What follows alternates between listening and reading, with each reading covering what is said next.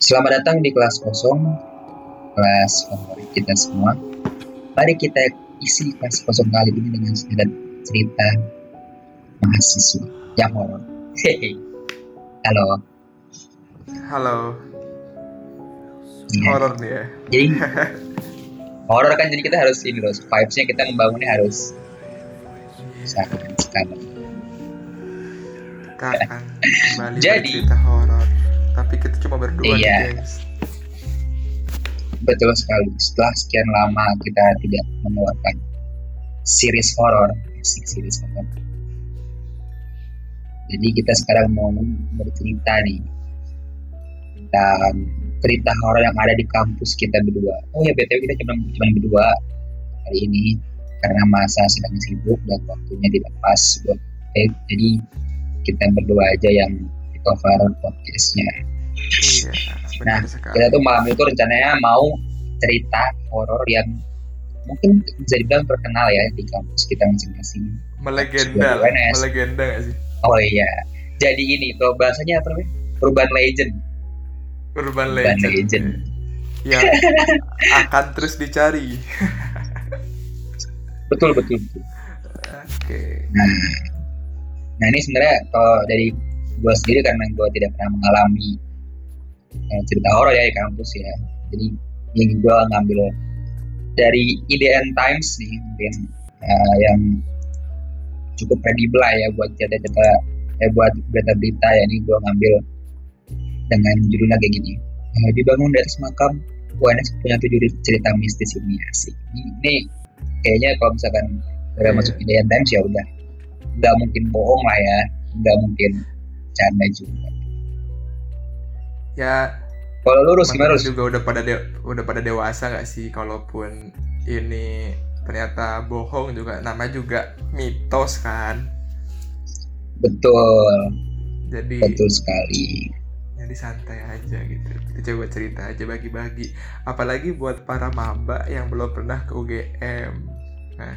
Ha ya buat buat para maba yang belum belum pernah ke kampus-kampus kan masih online masih ya belum merasakan vibes-nya lah iya jadi Mungkin kita mulai kali kalian Gus, ya. dat- iya buat para maba sebelum kalian datang kalian dengan podcast ini biar kalian gak macem-macem di gedung-gedung itu biar ada bayangan Hati-hati. Iya biar ada bayangan aja. Oh di sini ada ada nenek tua gitu gitulah. aduh ya ya ya ya. Oke. ya udah eh, dari dulu ya kali ya dulu deh UGM dulu deh Oke. Kalau gua ini ngambil dari medium.com, gengs. Jadi ada cerita dari grup kampus untuk kenapa gua ngambil Hmm. medium.com karena biasanya kan di medium.com ini tulisan teman-teman yang apa ya kayak sudah terbiasa lah untuk menulis. Jadi kayak ya selera gue lebih suka baca di medium sih kalau tentang mitos-mitos ini. Oh, oke Jadi lagi-lagi Hmm. teman-teman inget ya, nggak usah menyebarkan hal yang tidak-tidak. Karena ini cuma cerita, terus belum tahu bener apa enggak ya kan? Toh cerita juga kita ambil dari eh, media harusnya Iya, kita tidak mengalami jadi kalau misalkan eh, ada yang bilang bohong ya itu medianya berarti kan yang berbohong kan Oh, oh.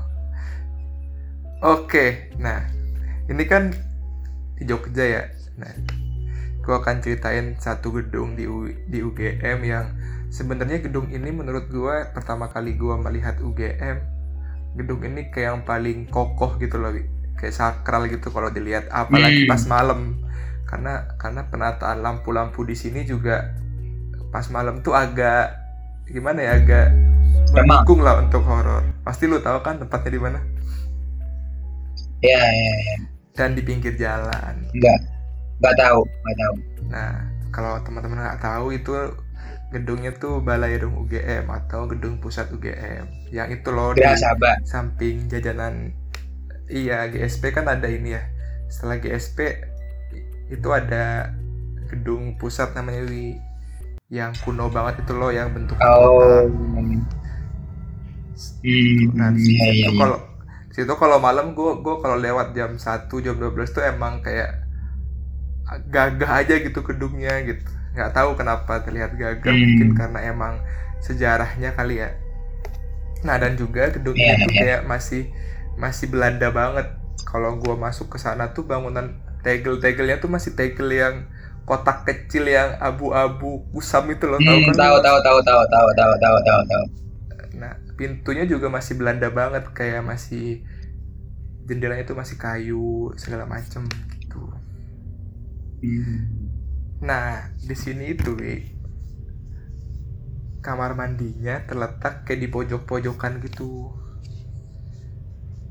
Hmm.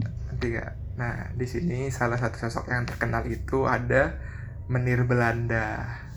Wih, gila ya. Yang nunggu di kamar nih ya berarti. Nah, ini nggak tahu nih. Kita kita lihat dulu ya ceritanya. Hmm. Oke, di sini kayaknya udah banyak yang mengalami ya karena di sini ceritanya nggak cuma dari satu orang tapi beberapa orang. Tuh.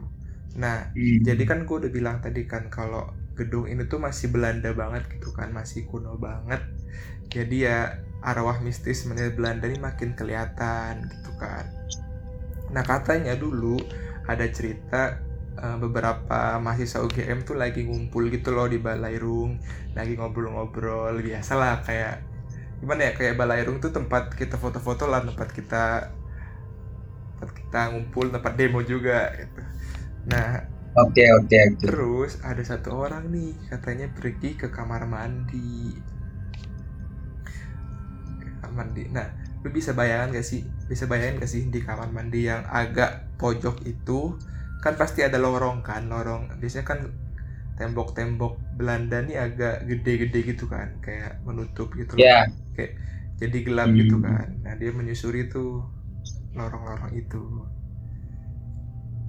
Tek tek. Nah, tapi dia berani, dia sendiri.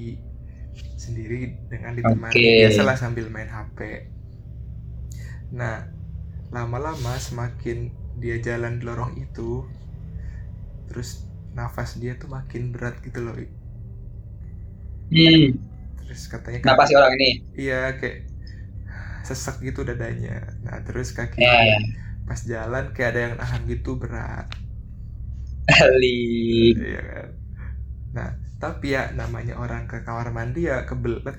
Ya dia pasti akan mencoba buat cepet-cepet kan.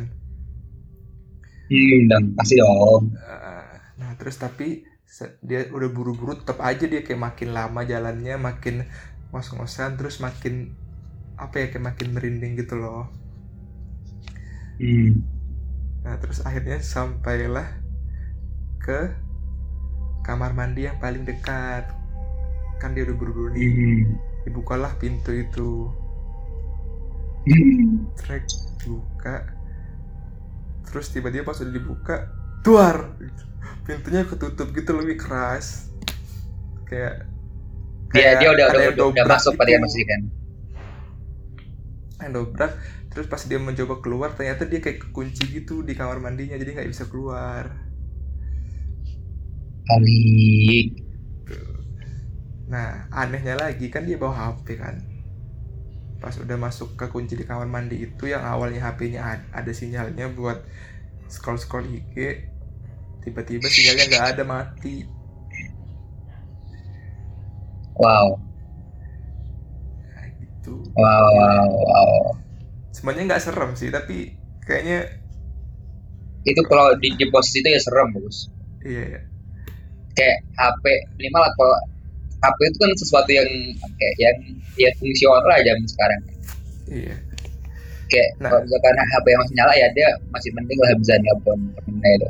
Kalau ini kondisi udah mati, kunci kan wah nangis kejar juga kayaknya itu kalau gue. Kok Iya ya. Iya sih. Tapi mungkin kan angin kali ya, angin gitu, gengs. Ini belum tentu yang Iya. dobrak sih menir Belanda itu kagak. Iya, ya nggak tahu. ya kita kita berpositif thinking aja lah mungkin angin yang bisa mengunci. Nah, satu lagi nih Ya. tentang menir Belanda.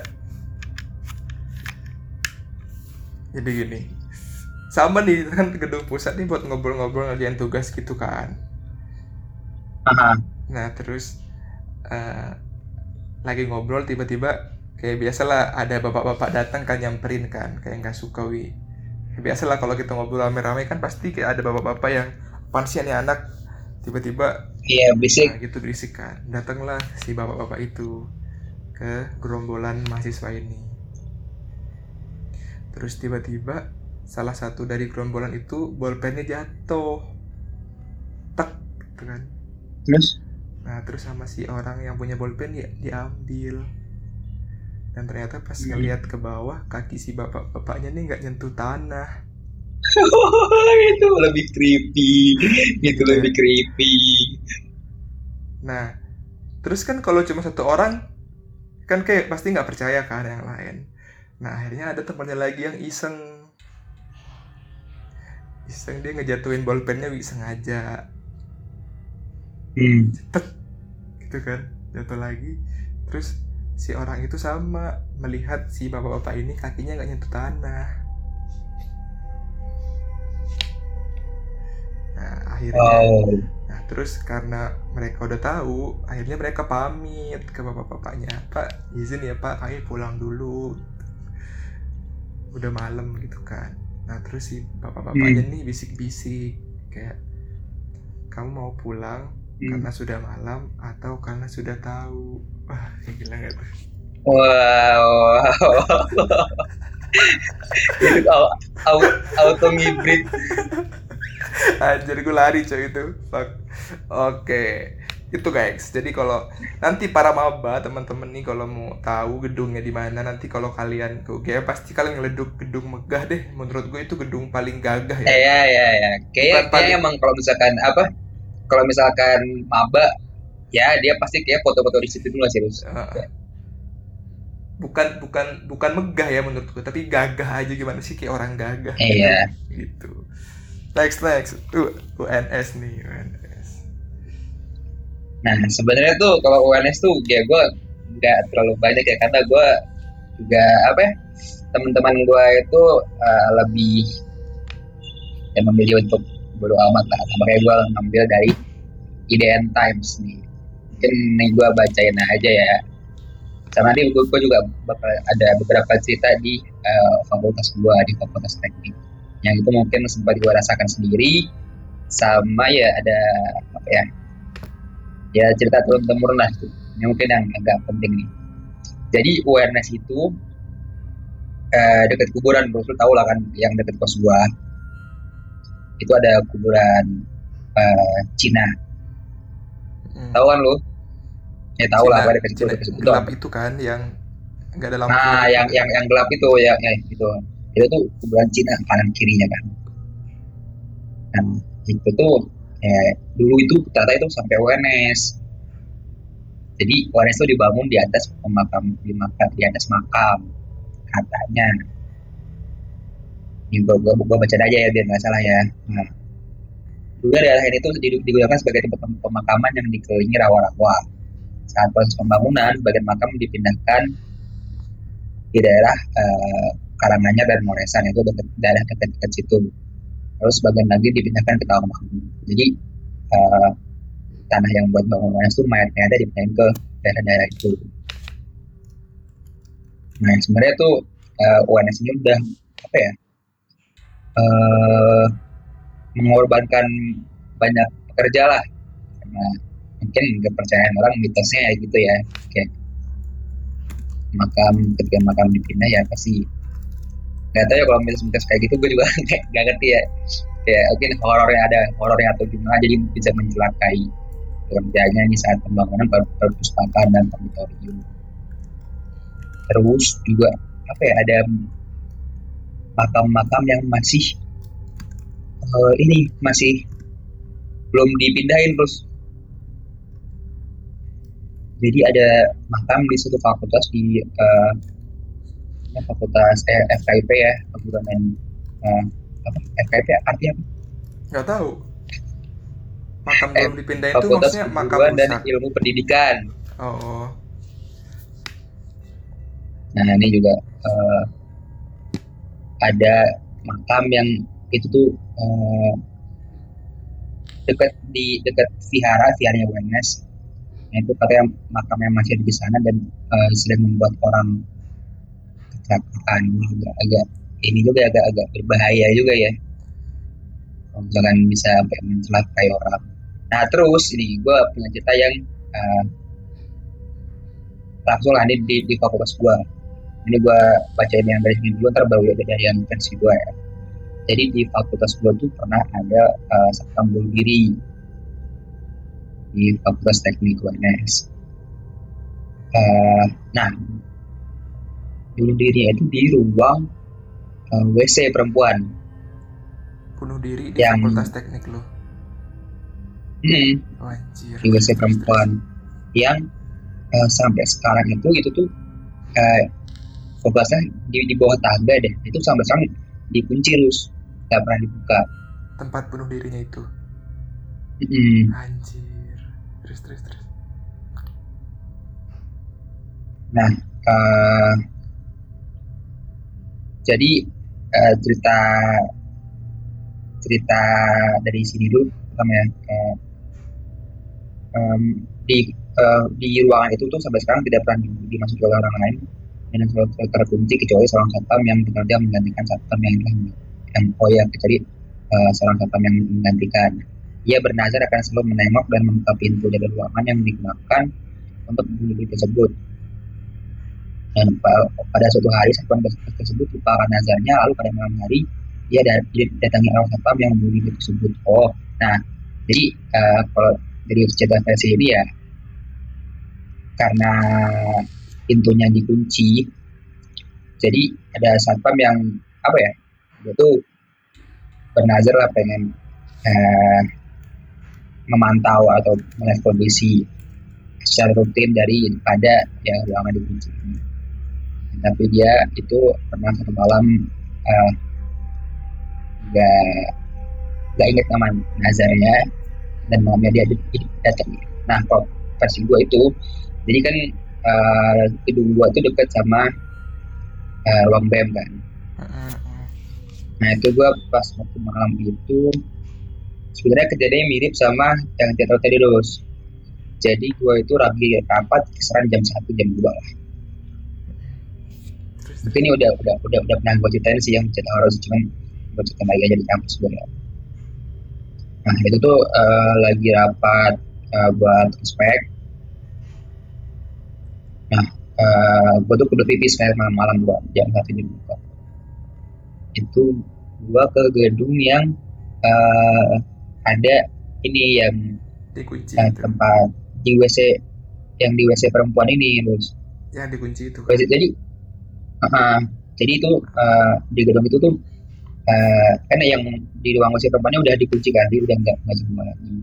Nah di situ di ruang gedung itu juga ada WC di bawah yaitu buat WC yang bisa dipakai sampai sekarang. Cuman kalau malam itu tetap apa ya vibes itu ya gitulah kayak kayak ya tau kalau WC yang jarang dikunjungin itu benar-benar jarang dikunjungin kecuali buat orang-orang yang misalkan dia rapat di BEM atau ikut permawa yang ada di situ. Jadi kan kayak jarang banget lah bukan WC yang normal dipakai sama mahasiswa ketika kuliah jadi kebayang lah ya gimana uh, di wastafel yang kotor kayak gimana terus gitu gitulah nah, aku tuh malam-malam tuh uh, kebetulan gue lagi cowok sendirian di pas berangkat tuh kan teman gue lagi keluar lagi ke pucuk. Gue tuh um, belas kan masa gue kudu ngomongin teman gue dan masa gue minta tolong teman-teman gue yang cewek kan kagak mungkin dong. Karena gue jalan sendiri nah di situ tuh uh, pas gue jalan jadi sebelum masuk ke utara tuh ada lorongnya dulu. Nah lorongnya itu uh, ya itulah tadi yang yang menghubungkan buat gue si cewek mau gue si cowok. Pas gue jalan itu sebenarnya itu cuma feeling gue mungkin ya. Ya gue ininya feeling gue aja lah. Uh, kayak menekan banget gitu kayak kayak lo tau tekan gak sih kayak kuping lo tiba-tiba ning gitu gitulah itu mungkin kayak sugesti gue doang. Gue ke toilet ya gue berusaha denial. Ya tapi kan gue tetap takut ya. Kalau kata anak-anak Indihome kan kalau misalkan tetap takut ya mereka juga tahu kalau kalau gue takut kan. Nah, akhirnya gue kencing di situ. Nah sebelah itu ada bunyinya. Jadi ada ada tiga bilik terus tiga bilik nah gue ngambil yang paling pojok. Yang pada ya, yang paling dekat pintu. Nah, itu ada bunyinya. Eh uh, utak gitu. Cuma ada ada ada bunyi uh, tetesan air ya. Mungkin itu ini ya air air begitu. Cuma pas gue datang nggak ada sih. Cuma ada pas gue uh, di situ doang. Nah terus um, dari dari situ gue kayak tiba-tiba itu belum kencing masih setengah jalan tuh kan. Nengok dong gue tak. Belakang nggak ada apa-apa. Gue selesain gue saya terus gue ngeliat sekitar.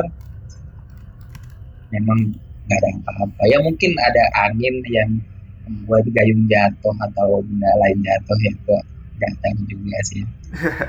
Angin I sih so. pasti. I hope so ya gue gue berpikiran tuh angin lah gue langsung nyebrit tuh lari. Benar-benar gue kayak itu tadi apa yang gue rasain ya mungkin cuma rasain nah terus ada satu cerita lagi nih di, di gedung yang sama terus jadi uh, di kejadiannya gue lupa di tahun berapa ini juga tidak uh, ceritanya turun temurun nah itu tuh ada lagi kuliah malam kuliah malam di gedung itu yang sama nah itu tuh uh, kuliah malam kan lagi uh, berjalan kuliah kayak biasa lah. Terus dia tuh ngeliat keluar terus di dalam kelas dia ngeliat keluar. Ada tuh Mbak Tabor lewat. Btw ini di btw ini di lantai tiga ya. Iya, dia ngeliat keluar nah lantai tiga tuh ada juga ada tukang Mbak Tabor lewat. Terus dia kayak dengan uh, ini ya dengan biasanya gitu kan dia dia dia kagak mikir kalau itu lantai tiga. Dia bilang sama temennya di sini. Kata gue udah gitu lapar gitu.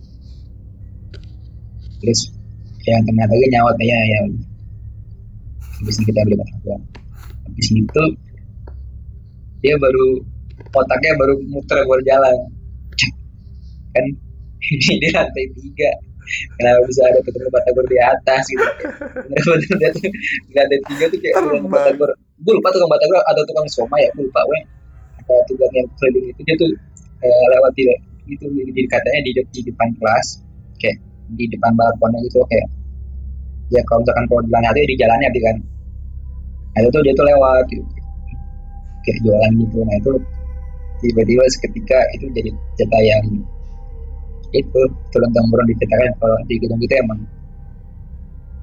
ya ah, begitulah ngeri gitu itu doang kalau di kampus juga sama sebenarnya ini sih karena ya itu karena uh, banyak Makan. apa karena dulu juga masuk kuliah nah masih banyak tengkorak tengkorak terus hmm. masih banyak masih banyak tengkorak tengkorak kayak ada dosen gua itu tuh oke dia ngasih tahu dia kalau di sini tuh masih banyak tengkorak mungkin dia bisa melihat atau benar nggak tahu. Di sekitaran gedung gua tuh masih banyak tengkorak manusia. Ih gede gitu. Nah, tapi gue tapi gue sendiri nggak pernah yang gimana gimana di kampus gue karena juga gue jarang ke kampus. Dan cuma kalau misalkan lagi ada eh, panitaan atau lagi ada rapat atau lagi apa pun juga jarang atau malah kalau lagi kas malam nah baru itu oke ini terakhir nih dari gue nih nih kayaknya boleh ada lagi loh boleh dipraktekin nih Lu tahu lagu ini gak, Wi? Lagu kurva. Eh jelek deh suara gue jangan deh. Gugur bunga. Tahu. Ntar diputer ya lagunya tau, ya. Tau, Jadi background ini ya. Iya, nih gua play. Anjas.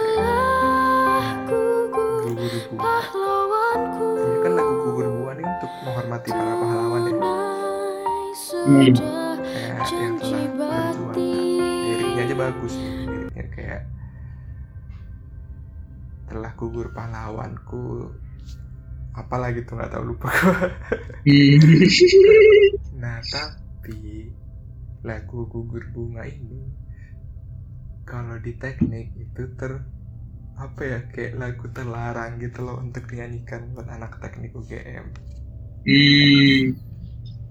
nah konon katanya pas apa ya pasti teman-teman di sini pernah lihat deh foto bundaran teknik deh kayak kalau ca- kalau cari deh bundaran Iya, gue gue juga pernah lewat. nah katanya Eh, gue pernah ke kampus lu. Eh, gue pernah ke kampus lu jam jam dua gitu terus. Jam dua setengah tiga ke teknik gua ke teknik. nah lu nyanyi nggak lagu itu coba deh nyanyi sekali-kali Ya enggak dong, ngapain dong? Mana gue tahu. Nah katanya di situ kalau nyanyi lagu gugur bunga akan ada sosok-sosok yang mendatangi Wih, sis. apa tuh sosoknya? tuh? nggak tahu gua gua nggak nyoba sih gua sejujurnya takut sebenarnya kayak kalau nyoba karena emang agak gimana gitu kan beneran tuh kayak kanan kirinya gelap ya terus kayak cuma ada lampu di tengah doang gitu kan Hmm. jadi ya begitulah kisah-kisah seram ini Ya sebenarnya banyak banyak banyak mitos di kampus. Ya mungkin di kampus kalian semua pendengar juga pasti ada lah yang mitos-mitos kayak gitu kayak misal kalau misalkan foto di depan tulisan eh, nama kampus lu kata yang lu saya lama gitu kan pasti ada kan mitos-mitos kayak gitu oh, ya. ya ada ada Atau mungkin mitos apa pun. ya ada juga yang satu kampus nih entah kampus kuliah atau kampus SMA yang kalau muter 17 kali nanti muncul di tengah-tengah gitu kan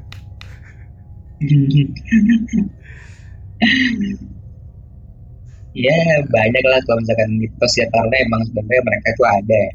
Oh ya, kalau yang gue, gue percaya mereka itu ada ya kita hidup hidupnya berdampingan. Mm-mm. Kayak tapi yang penting tidak mengganggu. tapi diceritain boleh kan tapi kok agak merinding ya di kamar gue sekarang cuy Eh lu sendirian dari kos lu ya? iya Ya nggak apa-apa. nah Kan udah udah udah udah mau balik di minggu kan. Sans. ya kalau dari UGM begitulah beberapa cerita horor di UGM sebenarnya masih banyak lagi sih ada Mbak Yayu mungkin teman-teman soshum yang tahu terus ada juga Hmm. jembatan perawan itu agro ya banyak deh sebenarnya kalau UGM Kalau jujur ya, kalau gue gue gue nggak pernah dengar gitu kayak eh, cerita apa yang lagi eh misalnya cerita horor apa yang di UNS kayak bener-bener gue tuh kayak ya itu nggak pernah dengerin cerita gitu kalau di UNS. Mungkin teman-teman UNS yang teman-teman gue mungkin tahu ya bisa stop kita. Atau mungkin di kampus-kampus kalian ada yang cerita-cerita horor bisa kan datang ke podcast kita gitu kan ceritain ke kita. Cerita horor kampus ya kemarin udah udah ada UI iya kemarin udah ada UI juga ber- ber- cerita. Ada mana lagi tuh? Caca eh Caca Syafa Win Jakarta. Iya UI juga udah oh naik gunung deh dia naik gunung. Jadi ya, mungkin kalau misalnya ada yang cerita-cerita horor bisa share kita karena kita juga bingung horor apa iya gengs. Makanya kita ngambil dari internet juga biar gak salah cerita. Ya mungkin itu aja kali ya episode kali ini tentang horor. Semoga bisa Hmm. menemani Jumat malam kalian gengs. Karena nggak malam Jumat. Iya. Kayaknya nggak nutut nih kalau malam Jumat tetap post udah ada- jadi jumat malam aja ya guys. Iya. Terus udah sih. Nah, udah. Buat teman-teman semua jangan lupa buat uh, follow IG kita at podcast pas kosong. Di Spotify juga sama podcast pas kosong. Bisa dengerin misalkan uh, ya kita juga tersedia di beberapa platform streaming. Kayak uh, Apple Podcast, Google Podcast juga ada. Podcast kelas kosong gitu ya. iya Kalau misalkan ada yang punya cerita-cerita horor bisa cerita kita atau mungkin cerita mana tentang kampus kalian gak mau masuk tentang horor bisa di share dulu ke kita.